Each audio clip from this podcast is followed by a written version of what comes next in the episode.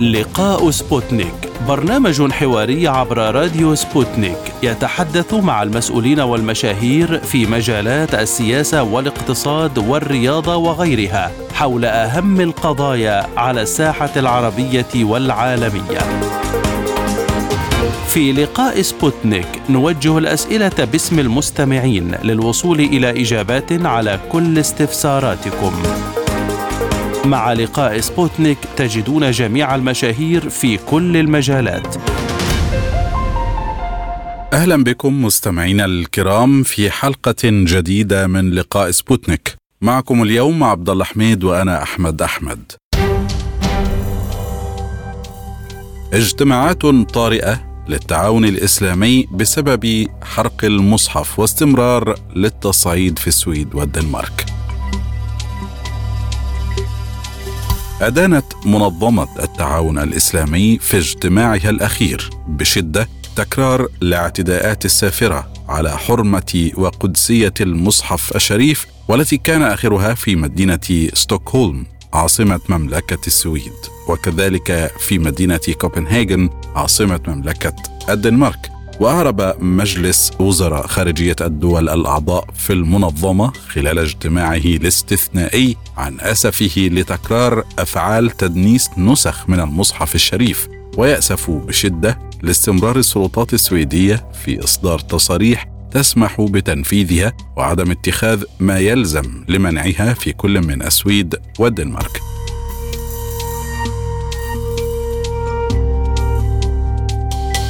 واعتبر المجلس أن عدم اتخاذ السلطات في السويد والدنمارك إجراءات تمنع تكرار مثل هذه الأفعال مخالفا لقرار مجلس الأمن التابع للأمم المتحدة رقم 2686 لعام 2023 الصادر يوم الرابع عشر من يونيو حزيران من عام 2023 حول التسامح والسلم والأمن الدوليين.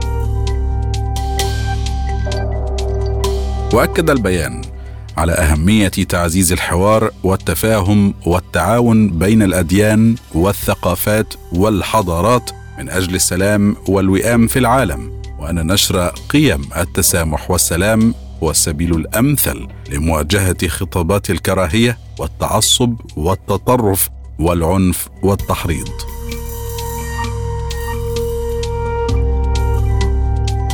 وكانت السعودية والعراق قد طالبتا بهذا الاجتماع الاستثنائي كما أعلن العراق عن قيادته لحملة ضد هذه الأفعال التي تؤجج غضب المسلمين حول العالم وتنتهك مقدساتهم بذريعة حرية التعبير.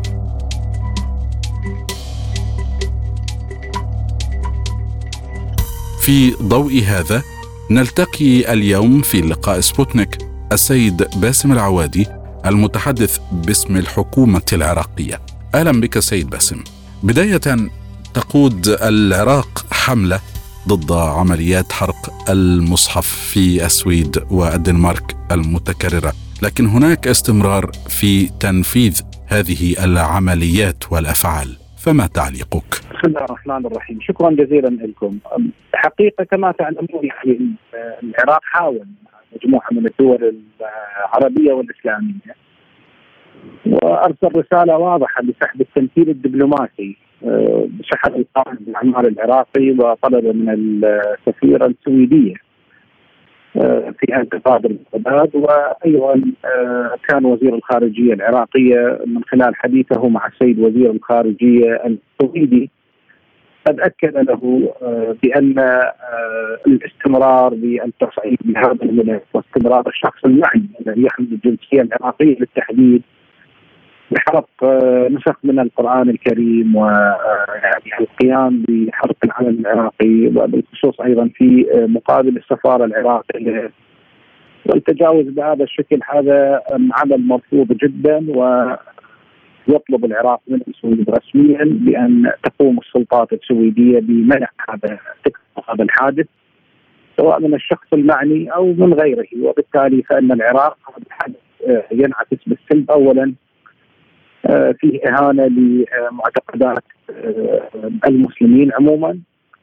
وثانيا أن الشخص المعني يحمل الجنسية العراقية ويقوم بالفعل أمام السفارة العراقية وبالتالي أيضا ما بعد إهانة عقائد المسلمين فهذا الحدث ينعكس بالسلب على الداخل العراقي ويؤدي إلى يعني ثورة أو هيجان معاطفي كبير جدا ومظاهرات واحتجاجات وبالتالي العراق معني بهذه القضية أكثر من غيره.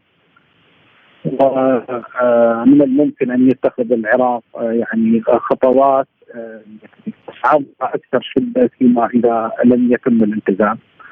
الآن اجمالا يعني ولو أنت عندك الاسئله قادمة الموقف الرسمي الذي ينقل للعراق من قبل الحكومة السويديه وزارة الخارجية السويديه آه المؤسسات السويديه بخصوص يعني الشرطة غيرها هي ترفض هذا الحادث ولكنهم يعني آه يقدمون عذر بأنه آه يقوم المنظمون بهذه الأفعال السيئة باللجوء إلى المحاكم السويدية. والمحاكم السويدية طبعا هي آه يعني آه تصدر القرارات أو تصدر أحكامها وفقا للدستور السويدي. وبالتالي إن هناك يعني مجال كبير لحرية التعبير وإن الدستور السويدي لا يعتبر القيام بمثل هذه الأفعال في الامتحانات آه ولا يعتبر حدث يعني كبير جدا فتوافق المحاكم على إذن لمثل هذه الأفعال وعندما يصدر القرار من المحكمة آه لا تجد مؤسسات الشرطة والمؤسسات السياسية الحكومة والخارجية المؤسسات لا تجد يعني آه يعني وسيلة لمنع مثل هذه الأحداث. جميلا آه ما بعد التواصل المستمر العراقي وغير العراقي العربي التمديدات العربية السفراء السويد من قبل عواصم إسلامية وعربيه كثيرة وعدت الحكومة باعتبارها يعني تتبنى الجانب السياسي بأنها تطرح مثل هذه المواضيع. وستناقشها هناك ويحاولون أن يتوصلوا إلى قرارات جديدة تمنع القيام بمثل هذه الأعمال. لكن هذه قضية قضية تعديل دساتير أو قضية تعديل قوانين كبرى. لا يمكن يعني أن تكون بخصوص في الغرب لا يمكن أن تكون في ليلة وضحاها. فالموضوع بحاجة إلى متابعة من قبلهم والى يعني تدخل سياسي كبير، تدخل حكومة كبير أيضا يؤدي في النهاية إلى أن تتخذ قرارات بمنع هذه الأفعال وما هي اقتراحات العراق للدول العربية والإسلامية للوقوف ضد مثل هذه الأفعال؟ يجب أن ننتظر انعقاد مؤتمر التعاون الإسلامي في بغداد، العراق لا توجد لديه يعني اقتراحات محددة أكثر من اقتراح واحد وهو أن تكف كل الدول سواء يعني السويد أو والدنمارك أو غيرها في كل بقية دول العالم عن القيام بمثل هذه الأفعال. وهناك اتفاق إسلامي عربي على هذه القضية من الضروري أن ننتظر الاجتماع ويطرح ممثلو الدول الإسلامية والعربية آرائهم حتما سيكون هناك اتفاق على مسودة معينة مسودة معينة على بيان معين على رسالة معينة تصل باسم العالم الإسلامي إلى كل الدول يعني اقتراحنا الاساسي هو أن نتكاتف نتعاضد معا في مثل هذه الأفعال التي تسيء إلى معتقدات المسلمين تحت عنوان حريه التعبير والأمر ليس كذلك طبعا.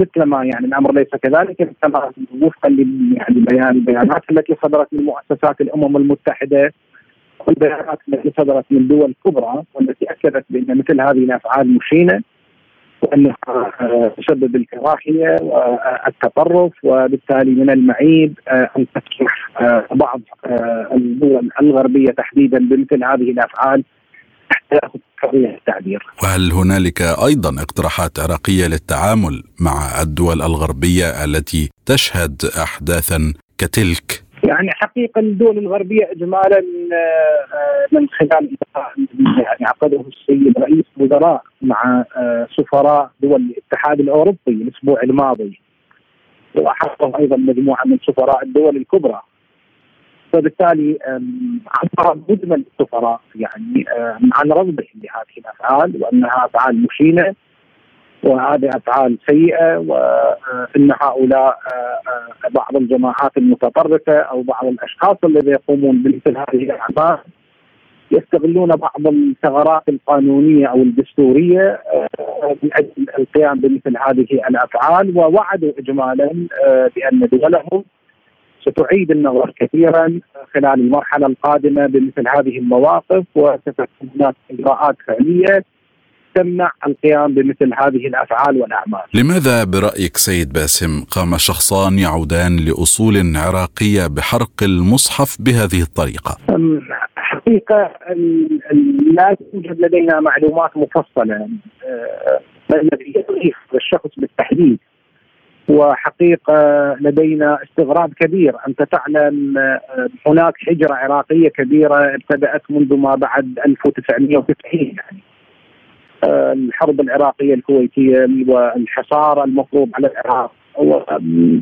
تسبب هذا في هجرة عراقية كبيرة. يعني منذ كما قلت عام 1990 العراقيون اجمالا الجاليات العراقية تتواجد في الشرق والغرب وفي عواصم عربية وإسلامية وحتى في افريقيا وهناك من مختلف الشرائح العراقية. لكن لم يقم أي مواطن عراقي رغم الهجرة ورغم الصعوبات ورغم التواجد في بلدان فقيرة لم يقم أي مواطن عراقي كما قلت ومن كل الشرائح العراقية بالاقدام على مثل هذا العمل وهو يعني القيام باحاله الكتب السماوية ومقدسات المسلمين هل السبب الشهرة؟ هل السبب المال؟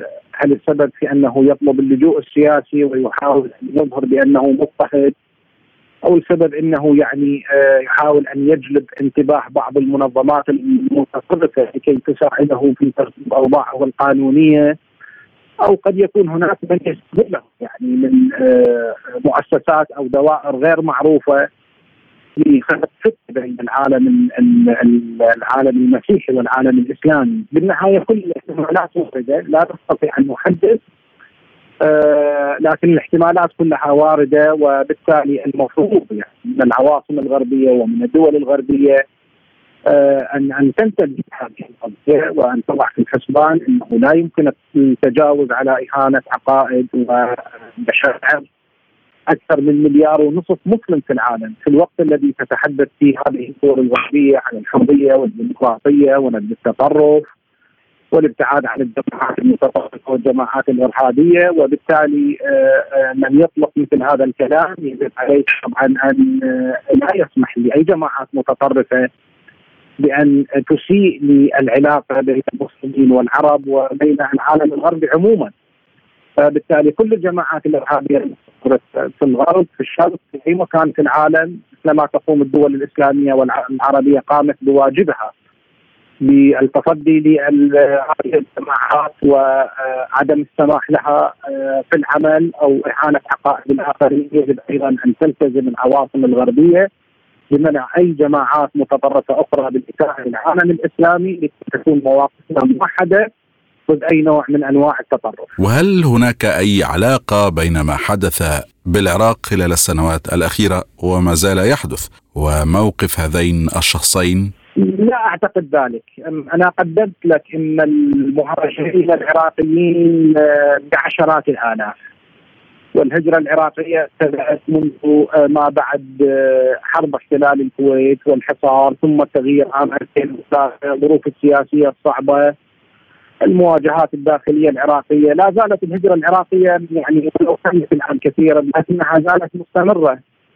والعراقيون في أمريكا في كندا في أستراليا في كل العواصم الغربية في دول أوروبا الشرقية في أوكرانيا الآن في روسيا في دول عربية كثيرة في دول الخليج في السعودية في مصر في المغرب العربي. عدة بلدان عشرات البلدان تتواجد بها جاليات عراقية بعضها يعيش ظروف اقتصادية واجتماعية صعبة جدا آه لكن لم يقدم آه أي عراقي آه على القيام بمثل هذا الفعل بحجة على أن هناك ظروف سياسية كانت سيئة في العراق وهو يقوم بمثل هذا الفعل، هذا الكلام مرفوض والبديل ما قدمته. هو أن هناك عشرات آلاف اللاجئين العراقيين لم يقوموا بمثل هذا الفعل لذلك نبقى نضع أكثر من ألف علامة استفهام على قيام الشخص المعني أو غيره بمثل هذه الأفعال. وطبعا هذا مو واجبنا الآن. المفروض أنه واجب الحكومة السويدية مثلا. آه، أن تحقق معه وأن تعرف آه، يعني ما هي الأسباب والدوافع التي تدفع هذا الشخص بمثل هذا العمل باعتبار إنه هذا العمل قد ولد ردات فعل آه، عنيفة جدا من عواصم الإسلامية والعربية تجاه السويد وبالتالي السويد يهمها مصلحة مع كل هذه البلدان وبالتالي هي التي عليها أن تعرف وأن تتحدث بصراحة عن الدوافع الحقيقية التي تقف أو الأطراف التي تقف خلف آه، هذا الشخص في القيام بمثل هذه الأفعال. العراق طلب بتسليم من حرقوا القرآن لمحاكمتهم، فهل هذه المطالبة لاقت أي صدى لدى السلطات في السويد؟ الحقيقة العراق أرسل رسالة إعلامية واضحة بالتاكيد و يعني قضاة كبار في مجلس القضاء العراقي الأعلى وفي المحاكم العراقية قد تحدثوا بصورة إعلامية واضحة من أجل آه، يعني أن يستمع الجميع لأن العراق قد يضطر إلى المطالبة، لكن في نفس الوقت أنتم تعلمون نحن نعلم على أننا أيضا نعرف القوانين ونعرف الدفاعيه الكلديناتيه في السويد وفي غيرها وبالتالي لا يمكن أن نطالب آه، ثم ما بعد ذلك آه، يعني يقال لنا بأن القوانين في البلد فيه أو في البلد لا يسمح بتسليم اللاجئين باعتبار أن هذا الشخص إذا سلم قد تتعرض حياته للخطر وبالتالي آه، تتوسع القضية وتأخذ مديات اكبر.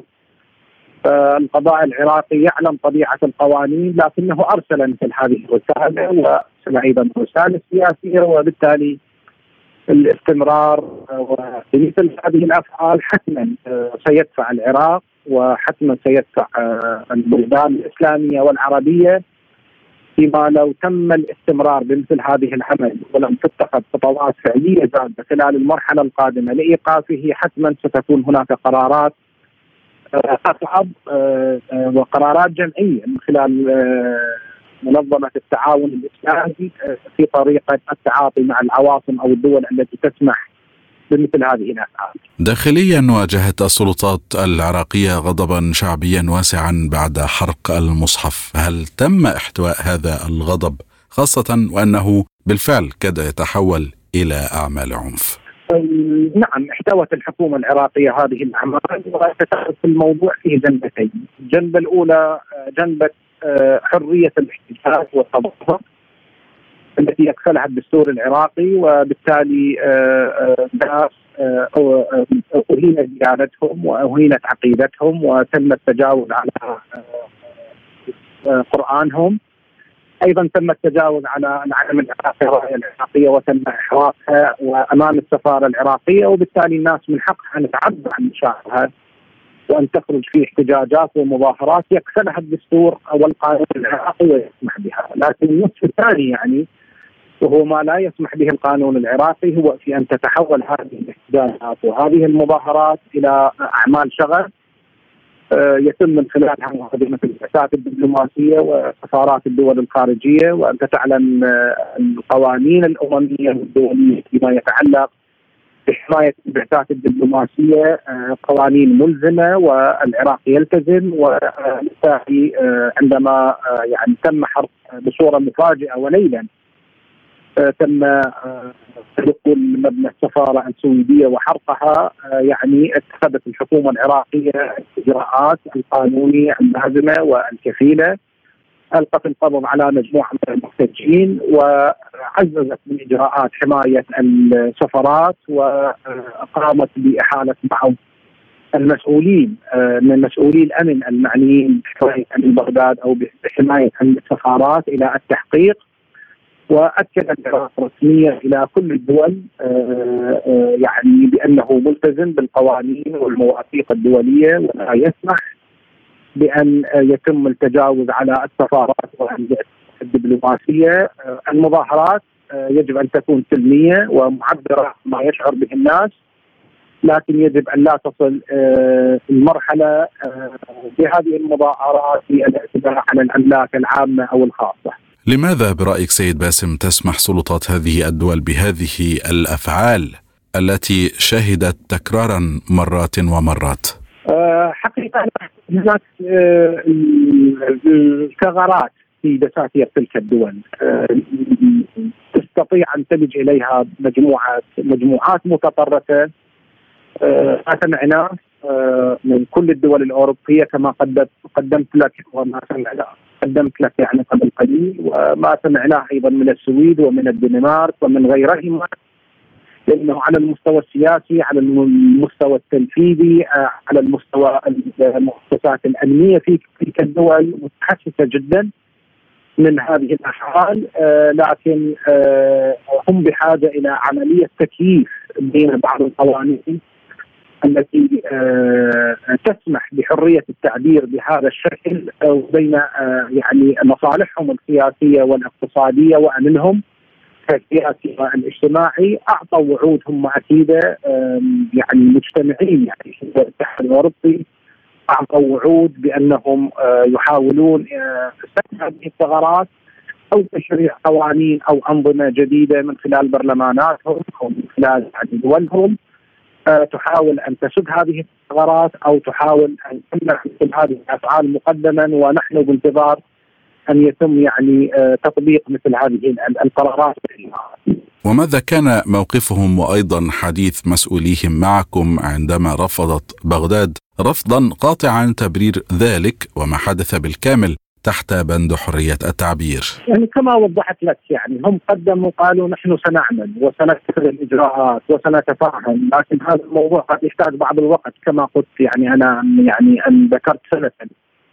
الموضوع آه، يتعلق بالدساتير ويتعلق بحرية التعبير هناك ويتعلق بالمحاكم وبالتالي الموضوع قد يحتاج إلى آه، فترة من الوقت آه، إلى حين أن يعني يتخذ القرارات المناسبة، اجمالا العراق بلدان العواصم العربية والإسلامية ماضية بالتمديد وماضية بالتعاون والتنسيق فيما بينها وبانتظار أن تعقد اجتماعات منظمة التعاون الإسلامي لكي آه، يعني تتخذ آه، العواصم الإسلامية والعربيه قرارات موحدة وترسم رسائل سياسية موحدة آه، بهذا الصدد. هناك معلومات تتحدث عن محاولات لتعديل القوانين في هذه الدول لكي لا تسمح بمثل هذه التصاريح وحرق الكتب المقدسة ومنها القرآن. فما حقيقة ذلك سيد باسم؟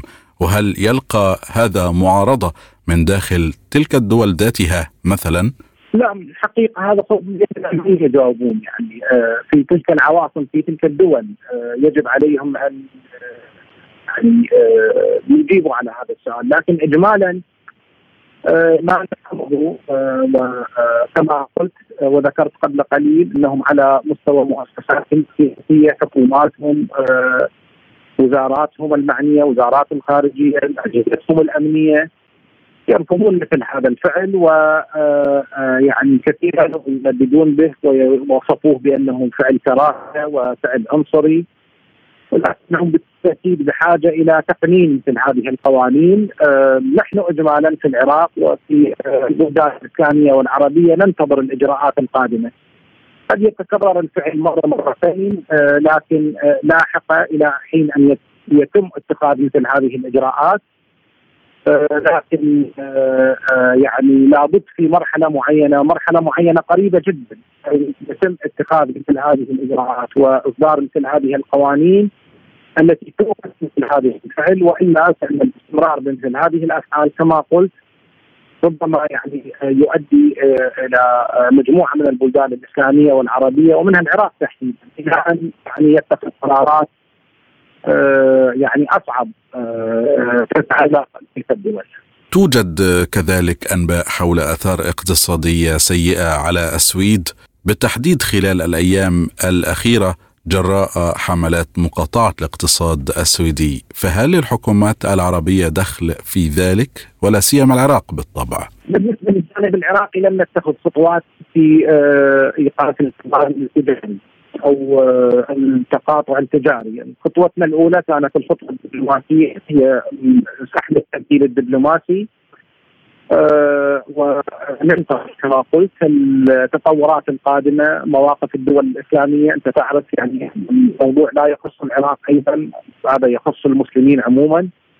وبالتالي يجب أن تكون المواقف الإسلامية والعربيه موحدة. اجمالا أه أن ترى قد بلغ السويد بأن الاستمرار بهذه الافعال خلال المراحل القادمة شيئا فشيئا إذا لم يتم التوقف عن هذا الفعل فإنه سيذهب ما بعد السحب الدبلوماسي إلى اتخاذ قرارات اصعب. ختاما هل ستعود العلاقات بين العراق والسويد كما كانت اذا حال اتخاذ الإجراءات الكافية وتعديل القوانين والمواقف؟ هذا بالتأكيد هو هذا الموقف يعني آه، إذا توقف السبب تنتهي الأمور يعني إذا اتخذت السويد آه، قرار بإيقاف مثل هذه الأفعال فلا توجد عند العراق يعني مشكلة مع السويد، لا يوجد بيننا حرب وأنت كما تعلم الدول الإسكندنافية من الدول الهادئه ولا تمتلك تاريخ استعماري مؤثر في المنطقة. خلاف معهم حول هذه القضية بالتحديد وإذا ما آه، اتخذوا الإجراءات الكفيلة بإيقاف مثل هذه الأفعال بالتأكيد ستعود الأمور إلى آه، مسارها الطبيعي، طبعا أنت تتذكر هي ليست المرة الأولى يعني مثلا في السنوات السابقة قد تم الإساءة إلى شخص الرسول صلى الله عليه وآله وسلم من خلال رسومات روسية الصحافة الفرنسية وغيرها من الصحافة الفرنسية. كانت هناك ردود أفعال إسلامية كثيرة جدا توقفت مثل هذه الأفعال. هذه الأمور يعني يعني تحدث دائما ويعني تتحرك الدول الإسلامية والعربية لايقافها عندما تزول مثل هذه الأمور بكل تأكيد تعود العلاقات مع يعني مختلف هذه الدول إلى مجاريها. في ختام هذا الحوار نتقدم بجزيل الشكر والتقدير إلى السيد باسم العوادي المتحدث باسم الحكومة العراقية. شكرا جزيلا سيد باسم. وأيضا الشكر موصول لحضراتكم مستمعينا الكرام وهذه فقرات برنامجكم لقاء سبوتنيك تتوالى مع زميلي عبد الله حميد. عالم سبوتنيك يغطي جميع الأحداث السياسية والاقتصادية والرياضية حول العالم. على مدار ساعة تتابعون عالم سبوتنيك مع أهم خبراء التحليل السياسي والاقتصادي. نقترب معكم في متابعة دقيقة من القضايا السياسية والاقتصادية. كما نستعرض أهم الأخبار الرياضية والفنية والبيئية. انتظروا عالم سبوتنيك أيام الجمعة والسبت والأحد من كل أسبوع. ملفات ساخنة. برنامج يسلط الضوء على أهم القضايا الحرجة في العالم. في ملفات ساخنة نستعرض القضايا مع جميع الأطراف ومن كل الزوايا لاستجلاء الحقيقة. ملفات ساخنة يستضيف أهم الخبراء وأجرأ الضيوف. تابعوا ملفات ساخنة مع راديو سبوتنيك أيام السبت والثلاثاء والخميس من كل أسبوع. أهلا بكم مستمعينا الكرام مجددا مستمرون معكم في هذه الحلقة من لقاء سبوتنيك شكرا للزميل أحمد أحمد. رغم كل التوتر وحملات الإدانة والرفض والمقاطعة سمحت السويد مجددا لرجلين في ستوكهولم بإحراق المصحف أمام البرلمان بعدما منحتهما الشرطة السويدية الإذن لإقامة احتجاج يأتي ذلك في وقت تسعى فيه السويد والدنمارك لاحتواء الغضب في العالم الإسلامي.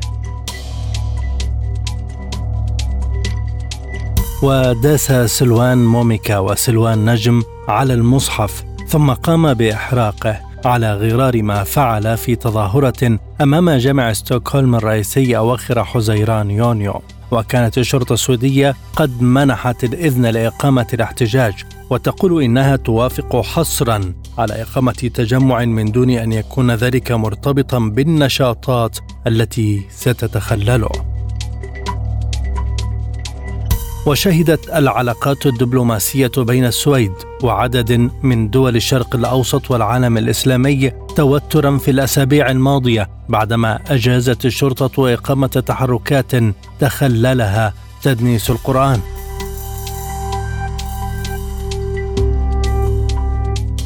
وقالت مصادر للقاء سبوتنيك رفضت الكشف عن هوياتها. إن حكومة السويد تتعرض لانتقادات شديدة خاصة بعد تأثر الاقتصاد السويدي في الأيام الأخيرة بسبب حملات المقاطعة من الدول الإسلامية للمنتجات السويدية.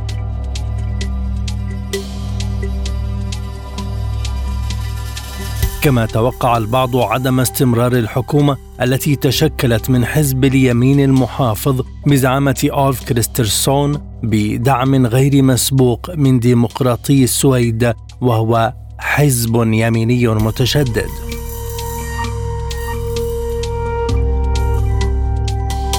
وتوقعت المصادر عدم استمرار هذه الحكومة حتى استكمال مدتها مشيرة إلى أن اليمين المتشدد هو من يقود الحكومة من خلف الكواليس مما يؤدي إلى تفاقم الكثير من الأزمات وآخرها أزمة حرق المصحف وتأجيج التوتر مع الدول الإسلامية حول العالم.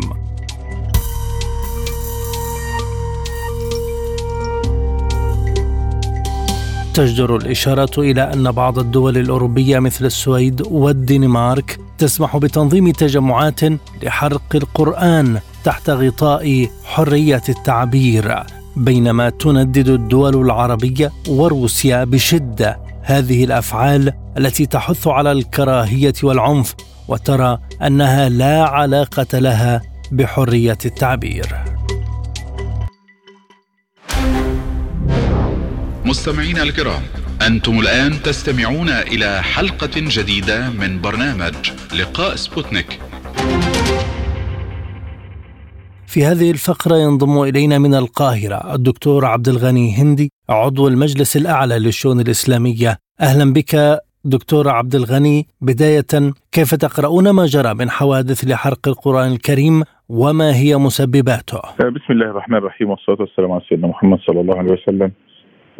دعني أقول أن الأمر الذي يتعلق بالإسلاموفوبيا أو الرهاب من الإسلام أو الكراهية من الإسلام لما نستعرض يعني تأسيس جمعيات كما تأسست جمعيه الإسلاموفوبيا في فرنسا وما حدث بعد ذلك يؤكد أن هذه فعاليات مدبرة يعني هذه الجمعيات أعلنت عن خطوات مدبرة في فكرة الرهاب من الإسلام أو تخويف الناس من الإسلام. نظرا للانتشار الكبير جدا للإسلام في مثل هذه الدول. تلك النقطة الأولى. النقطة الثانية صناعة نموذج إسلامي يعبر عن الكراهية ويعبر عن الدماء ويعبر عن الإرهاب كنموذج داعش والقاعدة والنصرة ومثل هذه النماذج أيضا للقول بأن هذا هو الإسلام والسؤال هنا من الذي أنشأ هذه الجماعات ومن الذي مول هذه الجماعات ومن الذي مول هذه التنظيمات للأسف الشديد هي نفس الأيادي التي تدعو إلى الرهاب من الإسلام وإلى الخوف من الإسلام.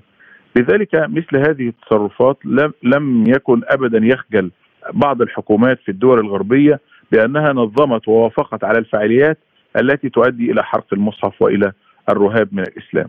رغم أن رسالة الإسلام حتى عندما وصل الفتح الإسلامي إلى أوروبا وعندما نورت علماء الإسلام أوروبا لم تكن ابدا هناك رسالة كراهية ولا رسالة حد على الكراهية.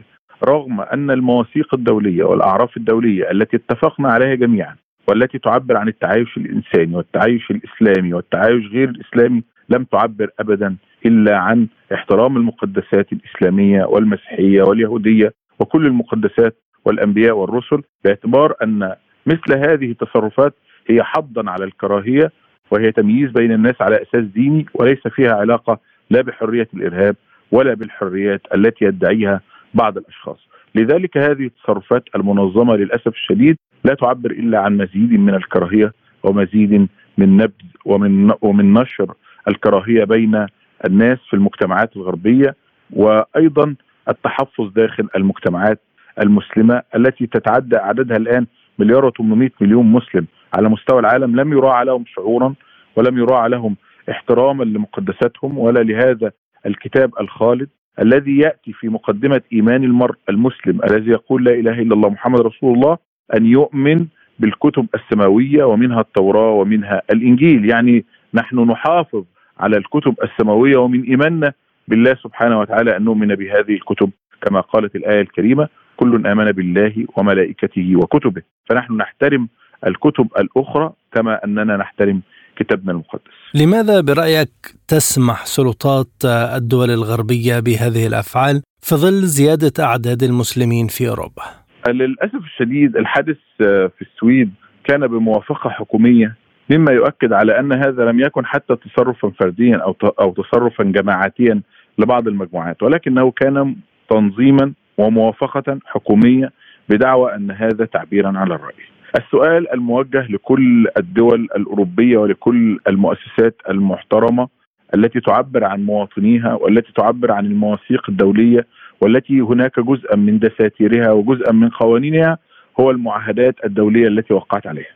أو لم يكن الميثاق العالمي لحقوق الإنسان ال- الذي صدر بنسخته سنة 2006 وعدلت هذه النسخة سنة 2009 أو لم يكن الميثاق العالمي لحقوق الإنسان قد قال أن مثل هذه التصرفات هي حض على الكراهية وتمييز بين الناس على أساس ديني؟ هل من باب أولى أن تحترم هذه الأمم التي تتغنى بالديمقراطيات ليل ونهار؟ تحترم مثل هذه الشعوب وتحترم مثل هذه المواثيق والأعراف التي وقعت هي عليها في الميثاق العالمي لحقوق الإنسان؟ أوليس من الطبيعي أن تحترم هذه المواثيق؟ نعم نحن نعلم أن القيمة الكبرى والقيمة العظمى في أوروبا هي قيمة الحرية. ولكن السؤال هل الحرية بلا ضوابط؟ هل الحرية بلا احترام للأديان؟ هل الحرية بلا احترام للمقدسات؟ ومنها المقدس الإسلامي الكبير جدا وهو القرآن الكريم وسيدنا محمد صلى الله عليه وسلم. ذلك نحن لسنا في محط السؤال ولسنا في محط يعني الهجوم. ولكن نحن الذين نسأل كيف توافق حكومة معترفة وقعت على مواثيق دولية وأعراف دولية كيف توافق على حرق المصحف. المجتمعات الموجودة داخل أوروبا هل هذه التصرفات ستحد من انتشار الإسلام؟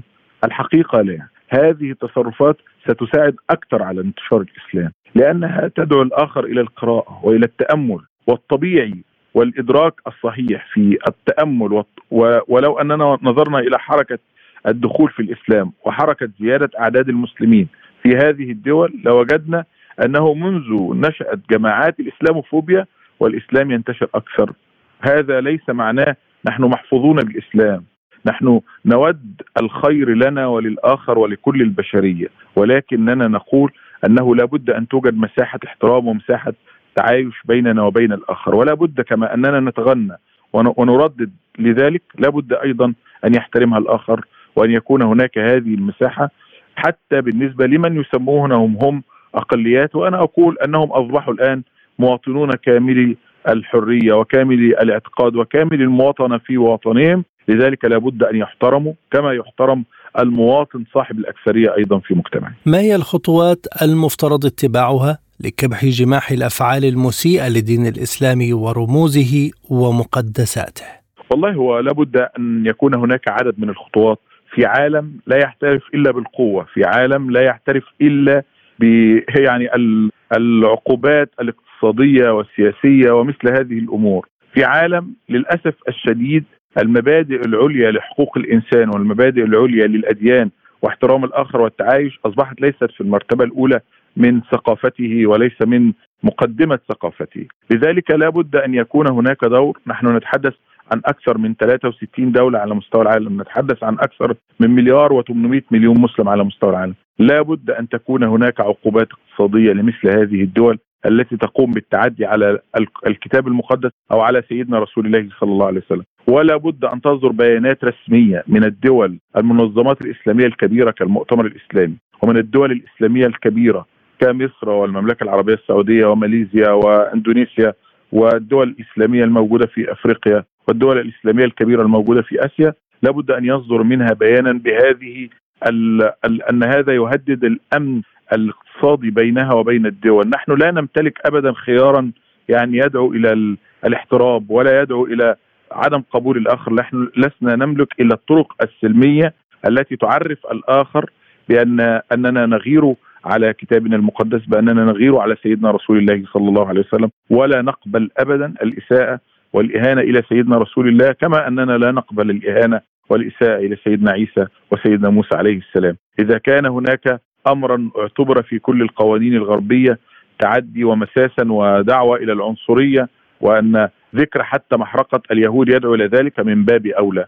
أن يذكر هذا في القوانين الغربية وفي المجتمعات الغربية. ولا بد أن أننا نعترف بالدبلوماسية الشعبية. لابد أن تكون هناك دبلوماسية شعبية من كبار العلماء. وممن يؤمنون بالخطاب مع الآخر وباللغة التحاور مع الآخر ولا بد أن يكون هناك حوار داخل هذه المجتمعات. للأسف الشديد تراجع دور المراكز الإسلامية نظرا لأن المجتمعات التي تملك التمويل هي التي أصبحت موجودة في الخارج ولكننا لابد من استعانة بالعديد من العقول التي تود وتستطيع أن تتحاور مع الآخر وأن تعرف الآخر ما هو الإسلام وأن تعرف الآخر كن هذا الدين العظيم في الحفاظ على السلم العالمي هناك العديد جدا من الخطوات التي من الممكن أن نتفق وأن نقوم بعملها للحد من مثل هذه الظواهر والانتشار هذه الظواهر. الأمم المتحدة أدرجت العنف ضد الكتب المقدسة ضمن انتهاكات القانون الدوليه.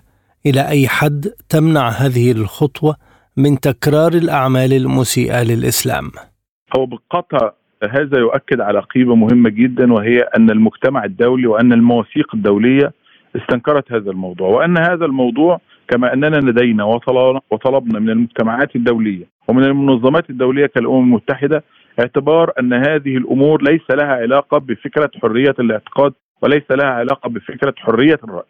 قضية حرية الاعتقاد هي لها علاقة بكل شخص شخص هو يدين بدينه لكن ما يحترم بالنسبة للآخر هذه قضية تتعلق بالآخر ولا تتعلق به هو شخصيا.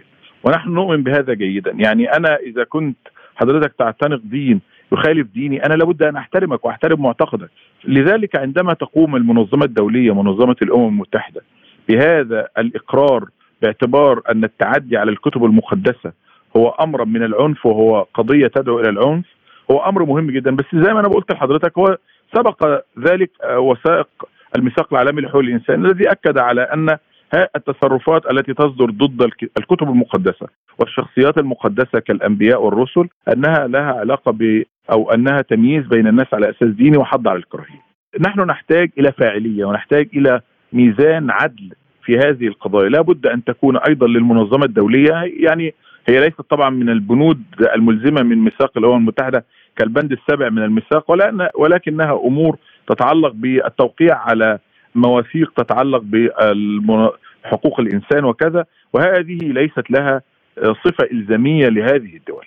الأمر لابد أن يتعلق بأن تكون لهذه المواثيق صفة إلزامية لهذه الدول وأن يصدر بها يعني بنودا ذات صفة إلزامية للدول للحظ من مثل هذه التصرفات التي لا تضر بأشخاص ولا تضر بمجتمعات ولكنها في الحقيقة تؤجج مشاعر الكراهية والحقد في كل الدنيا التي من المفروض أن أتت هذه المنظمات الدولية لرسم ولترسيم السلام والسلم الاجتماعي والسلم الدولي بين الأمم وبين الشعوب وهذا دور مهم جدا لهذه المنظمات. لابد أن يكون هناك صفة إلزامية لهذه الدول. أما بهذا المستوى من الحظ أو من المنع أو من إصدار النشرات صحيح هو يفيد في أنه يمشي ويتماهى مع المنظمات ومع الأشخاص ومع الكيانات ومع الدول التي تدعو إلى السلام والتي تدعو إلى احترام الأديان واحترام الآخر.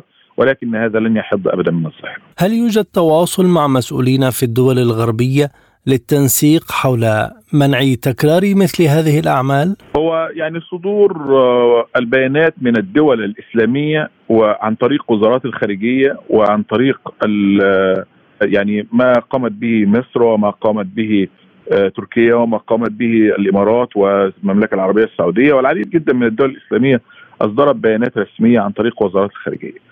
ومن المفروض أن هذا البيان الذي يصدر عن وزارة الخارجية يصدر إلى سفراء الدول التي قامت بالتعدي باستدعاء السفير واختاروا بما تم أو اختاروا بشكل مباشر بما تم، فإذا قضية أن تقوم الدول باختار سفراء هذه الدول ووزارة خارجيات هذه الدول والمنظمات الدولية أيضا التي تتبعها هذه الدول هو أمر بالفعل قد تم.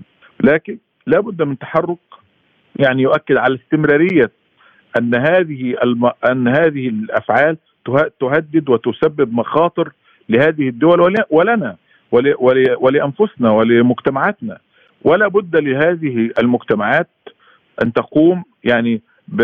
بمراجعة نفسها في مسألة إعطاء تراخيص لمن يدعو إلى حرق المصحف أو من يدعو إلى الإساءة إلى الإسلام أو إلى نبي الإسلام صلى الله عليه وسلم. لا بد من أن تراجع أنفسها ولا بد أن تكون هذه الأمور مستمرة وواضحة وبشكل قوي جدا لأنها في الحقيقة زي ما أنا قلت لحضرتك هي تؤذينا جميعا وتؤذي مشاعر أكثر من مليار و800 مليون مسلم على على على الأرض ولا بد أن يسأل الدول هذه الدول والمجتمعات نفسها ماذا تريد؟ يعني هي ماذا تريد؟ هل نحن نريد أن نقف في صف السلام وفي صف التعايش وفي صف قبول الآخر أم نريد أن نقف في صف مزيد من الكراهية ومزيد من الإرهاب ومزيد من التطرف؟ لا بد لهذه المجتمعات أن تسأل نفسها هذا السؤال ولا بد على المستوى الرسمي أن يكون هناك يعني جلسات متخصصة ومحددة و ومح... و... ويقوم فيها الطرفان بمناقشة مثل هذه القضايا. وعلى الجانب الآخر دكتور كيف سيرى المجتمع العربي والمسلم هذه الأفعال عندما تتكرر بشكل متواتر؟ أنا هقول لحضرتك نحن في الأساس لا نستطيع أن نقوم بالرد على هذا التصرف بالمثل، يعني لا. لا نستطيع أن نقوم مثلا من مواطن مثلا قام بحرق المصحف بأن نحرق كتابه المقدس أو هذا لأنني أشرت في بداية كلامي أننا من ضمن إيماننا بالله سبحانه وتعالى أننا نحترم هذه الكتب المقدسة. الغضب الذي الغضب سيتزايد عندما تتكرر الأمور، الغضب سيتزايد. لكننا في الحقيقة أمام أمر يتعلق بالدين الإسلامي الذي يحافظ على علينا. نحن لا لسنا نحن الذين نحافظ على دين الله، ولكن دين الله هو الذي يحافظ علينا. صحيح نحن نغضب ونحن يعني يؤسفنا التعدي على مقدساتنا وعلى سيدنا رسول الله صلى الله عليه وسلم ولكننا لابد أيضا أن نسأل نفسنا هذا السؤال أن اسهاماتنا الحضارية لابد أن تزيد أن مواقفنا الفعالة لابد أن تزيد أن مشاركتنا فيما فيما بتنظيماتنا الدولية والأممية فيما يتعلق لابد أن تكون أكثر قوة فيما يتعلق بهذا الأمر وهو أمر الحفاظ على قدسية القرآن الكريم وعلى الحفاظ على سيدنا رسول الله صلى الله عليه وسلم من مثل هذه الأمور، لابد أن تكون ظاهرة للعالم وللمجتمعات أننا مجتمعات أكثر حركة وأكثر فاعلية عندما يتعرض الأمر لهذه المقدسات. أما بالنسبة للشعوب الشعوب المؤمنة بالله ومؤمنة بسيدنا رسول الله صلى الله عليه وسلم تعلم تماما أننا لا, لا نستطيع أن نرد على الإساءة إلى القرآن الكريم بالإساءة إلى إلى التوراة أو الإنجيل مثلا، لا نستطيع أن نفعل ذلك لأنه جزء من إيماننا بالله سبحانه وتعالى. إذا أردنا أن ننشر العدل لابد أن نظهر الظلم، لابد أن نتحدث عنه، لابد أن نوضحه للناس، ليس وفقط في كل الأوقات المطالبة بالعدل وفقط هي التعبير عن العدل، ولكنها من الممكن أن تكون الرسالة أيضا توضيح هذا الظلم وهذا الانتهاك بالشق الآخر، يعني عندما كان هناك مبادرة من أحد الشباب الذي طلب الموافقة على حرق التوراة ثم تراجع وقال أن ديني يدعوني إلى الحفاظ على التوراة مثل هذه المبادرات في الغرب تؤكد على هذه الرسائل الشعبية المهمة جدا في أن الشعوب حية وقادرة للرد ولكنها ستنتهج الطرق منها الطرق الاقتصادية كمقاطعة هذه الأمم وهذه الشعوب وهذه المنتجات لهذه الشعوب. نحن قوة شرائية كبيرة جدا. نتمنى من الله سبحانه وتعالى أن تزيد إسهاماتنا الحضاريه لأن هذا سؤال مهم جدا. لابد أن نسأله لأنفسنا. نحن تراجعنا في الاسلام الحضاري العالمي وهذا أمر يدعونا إلى أن نشتغل على أنفسنا في أن نصدر الأكثر من النماذج التي تدعو إلى التعايش والتي تدعو إلى قبول الآخر. لماذا برأيك؟ قام شخصان يعودان لأصول عراقية بحرق المصحف، هل هناك أي علاقة بين ما حدث في العراق خلال السنوات الأخيرة وموقف هذين الشخصين؟ أنا أعتقد أنه لا توجد علاقة. الآن ال trend وال social media والتنظيمات والدفعات وتأجير الناس والأموال التي تضخ في في هذه الأمور جننت الناس ولم تجعل الناس يحافظون على عقولهم. لا أنا لا أستطيع أن أربط لأن ما حدث من رده فعل داخل العراق و يعني المليونيات التي خرجت داخل العراق تستنكر. تؤكد على أن غالبية المجتمع وأن المجتمع العراقي بقواه الحية يرفض مثل هذه التصرفات. ولكن الترند الآن والشهرة وما يحدث على وسائل التواصل الاجتماعي ويعني اختراق العقل البشري بالذكاء الاصطناعي وما يحدث من الأمور التي تحدث من تمويلات كبيرة جدا ومنظمات كبيرة جدا تملك تمويل خلف هذه المنظمات. من السهل جدا أن تستطيع في شعب كبير جدا وفي شعوب كبيرة جدا كالشعوب العربية أن تؤجر اثنين أو ثلاثة أو أربع أشخاص يستطيعوا أن يمثلوا ما تريد أن تفعل به. فهؤلاء مأجورين ولا بد ألا نعلق كثيرا باعتبار أنها ظاهرة في مجتمعاتنا العربية ولكنه يعني هؤلاء الأشخاص يعني أنا لا أقول عنهم إلا أنهم مأجورون. هناك اجتماعات طارئة للتعاون الإسلامي بسبب حرق المصحف واستمرار التصعيد في السويد والدنمارك، هل لذلك تأثيرات برأيك؟ طبعا أكيد يعني آه، أن جزء كبير جدا من تأسيس منظمة التعاون الإسلامي أو المؤتمر الإسلامي فيما قبل وأن أنها أسست للحفاظ على هذه القيم الدينية آه، كما أن يعني الشر يتكتل ويقوم بإنشاء منظمات الإسلاموفوبيا. فمن باب أولى يعني نحن أن نتكتل وأن نصدر موقفا موحدا. نحن نتحدث عن منظمة 63 دولة كبيرة. آه، عندما تصدر بيانا موحدا وعندما يكون هناك عمل اسلاميا موحدا أعتقد أنه سيكون له مردود فعل كبير جدا. خصوصا عندما يصدر قرارات لها علاقة بالواقع لها علاقة بالقرارات الاقتصادية. هذا العالم تمثل فيه قوى اقتصادية كبيرة جدا. فلا بد أن تصدر قرارات تعبر عن هذا الواقع الاقتصادي وأعتقد أنه سيكون له مردود كبير جدا ومردود فاعلي. القضية الآن لم تصر قضية لها علاقة بإصدار القوانين. القضية الآن أو القرارات. القضية الآن أصبحت لها علاقة بفاعلية هذه القوانين وهذه القرارات. أتمنى أن يكون هذا الاجتماع يصدر عنه مجموعة من القرارات التفاعلية والفاعل وصاحبة الفاعلية التي يكون لها الأثر في العالم الغربي وفي العالم حتى الإسلامي لمثل هذه أن يكون ردا قويا لمثل لكن هذا الاجتماع جزء كبير وجزء أصيل من عمل هذه المنظمة الإسلامية الكبيرة. إلى أي مدى أثر صعود أقصى اليمين في أوروبا خلال الفترة الأخيرة على الشارع وتحولاته وأفكاره؟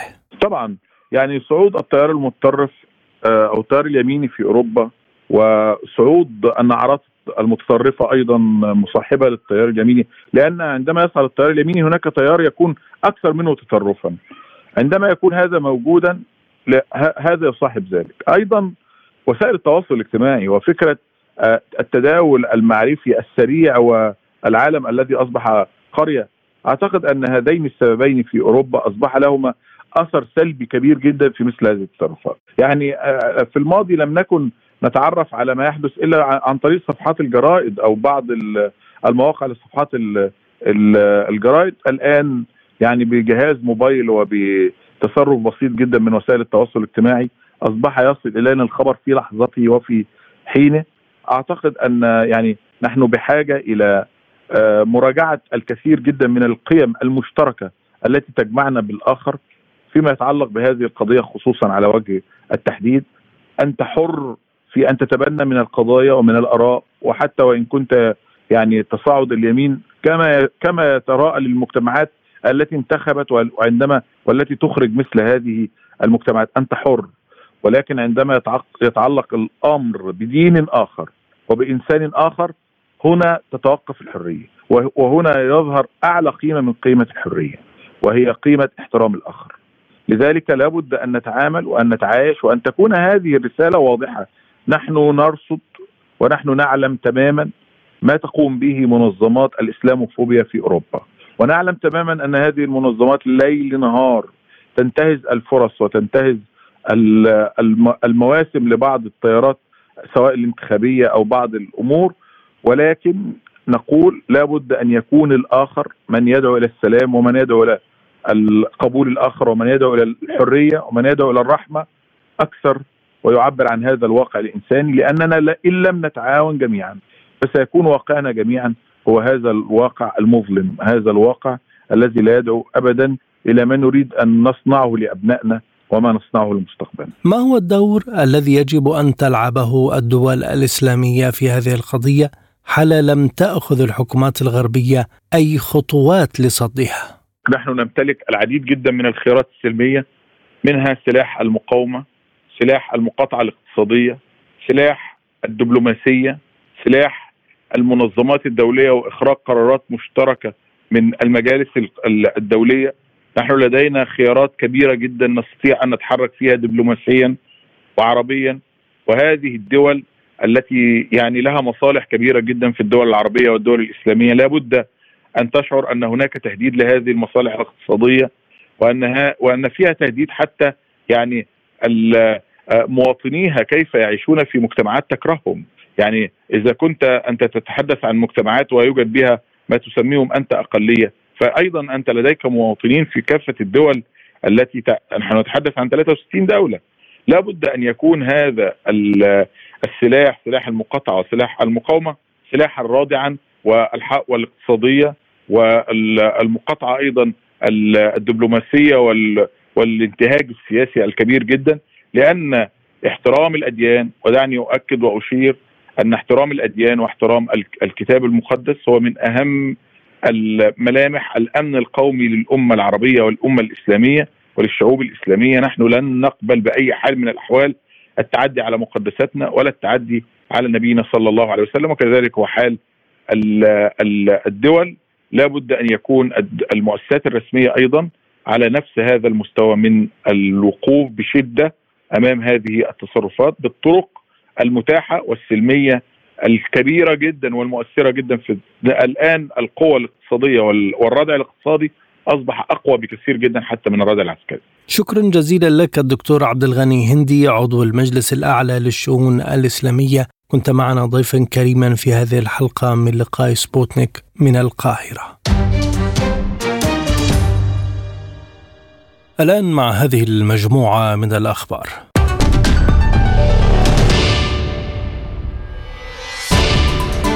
أجرى الرئيس فلاديمير بوتين محادثة هاتفية مع نظيره التركي رجب طيب أردوغان. وقالت الرئاسة الروسية أن الاتصال تناول مختلف جوانب التعاون الروسي التركي وقال بوتين أن العمل جار على خيارات لتوريد الحبوب الروسية إلى الدول المحتاجة دون مقابل. كما تم التشديد على ضرورة العمل على خيارات موثوقة لتوريد الحبوب الروسية. سيطر الجيش الروسي على ثمانية مواقع للقوات المسلحة الأوكرانية في منطقة سيفاستوفسكي في لوغانسك. وقال رئيس المركز الصحفي لمجموعة زاباد سيرجي زيبينسكي أن القوات الروسية دمرت خلال ثلاثة أيام من العمليات الهجومية في اتجاه كازوموفسكي ثلاثة أطقم من المدافع الرشاشة وقضت على فرقة مشاة من الفرقة الآلية الثانية وثلاثين المنفصلة. واللواء الخامس والعشرين المحمول جوا جنوب غرب منطقة غابات بوبوف. كما قامت طيارات الهليكوبتر الهجومية بتنفيذ 13 ضربة ضد اللواء الميكانيكي الرابع عشر ووحدات الدفاع الإقليمية الأوكرانية. قال القائم بأعمال حاكم مقاطعة زاباروجيا الروسية يفغيني باليتسكي إن المجموعة الهجومية الأوكرانية حاولت اختراق الدفاعات الروسية شمال شرق رابوتينو في منطقة زاباروجيا وتم تدمير العدو بالمدفعية خلال التقدم. وأشار باليتسكي إلى أن العدو يتكبد خسائر فادحة ويحاول الاستعداد للقتال ويرمي جنوده مرة أخرى إلى المذبحة. قال وزير الخارجية الأمريكي أنتوني بلينكين إنه لا توجد حلول عسكرية للصراع الدائر في السودان بين الجيش وقوات الدعم السريع. قال بيان للخارجية الأمريكية أن تصريحات بلينكين جاءت خلال المباحثات الهاتفية مع موسى فكي رئيس مفوضية الاتحاد الأفريقي. تناولت المباحثات تنسيق الجهود من أجل إيصال المساعدات الإنسانية للمحتاجين في السودان والتأكيد على ضرورة احترام طرفي الصراع لحقوق الإنسان. أعلنت المنظمة الدولية للهجرة أن نحو ثلاثة ملايين فرد نزحوا داخل السودان بسبب الصراع بين قوات الدعم والجيش. وقالت المنظمة في تقرير إن عدد النازحين خلال 108 أيام يفوق عدد النازحين المسجل على مدار الأعوام الأربع الماضية مضيفة أن 926 ألف شخص و841 فروا إلى بلدان مجاورة. نهاية هذه النشرة وختام فقرات لقاء سبوتنيك. نشكر لكم حسن المتابعة. إلى اللقاء.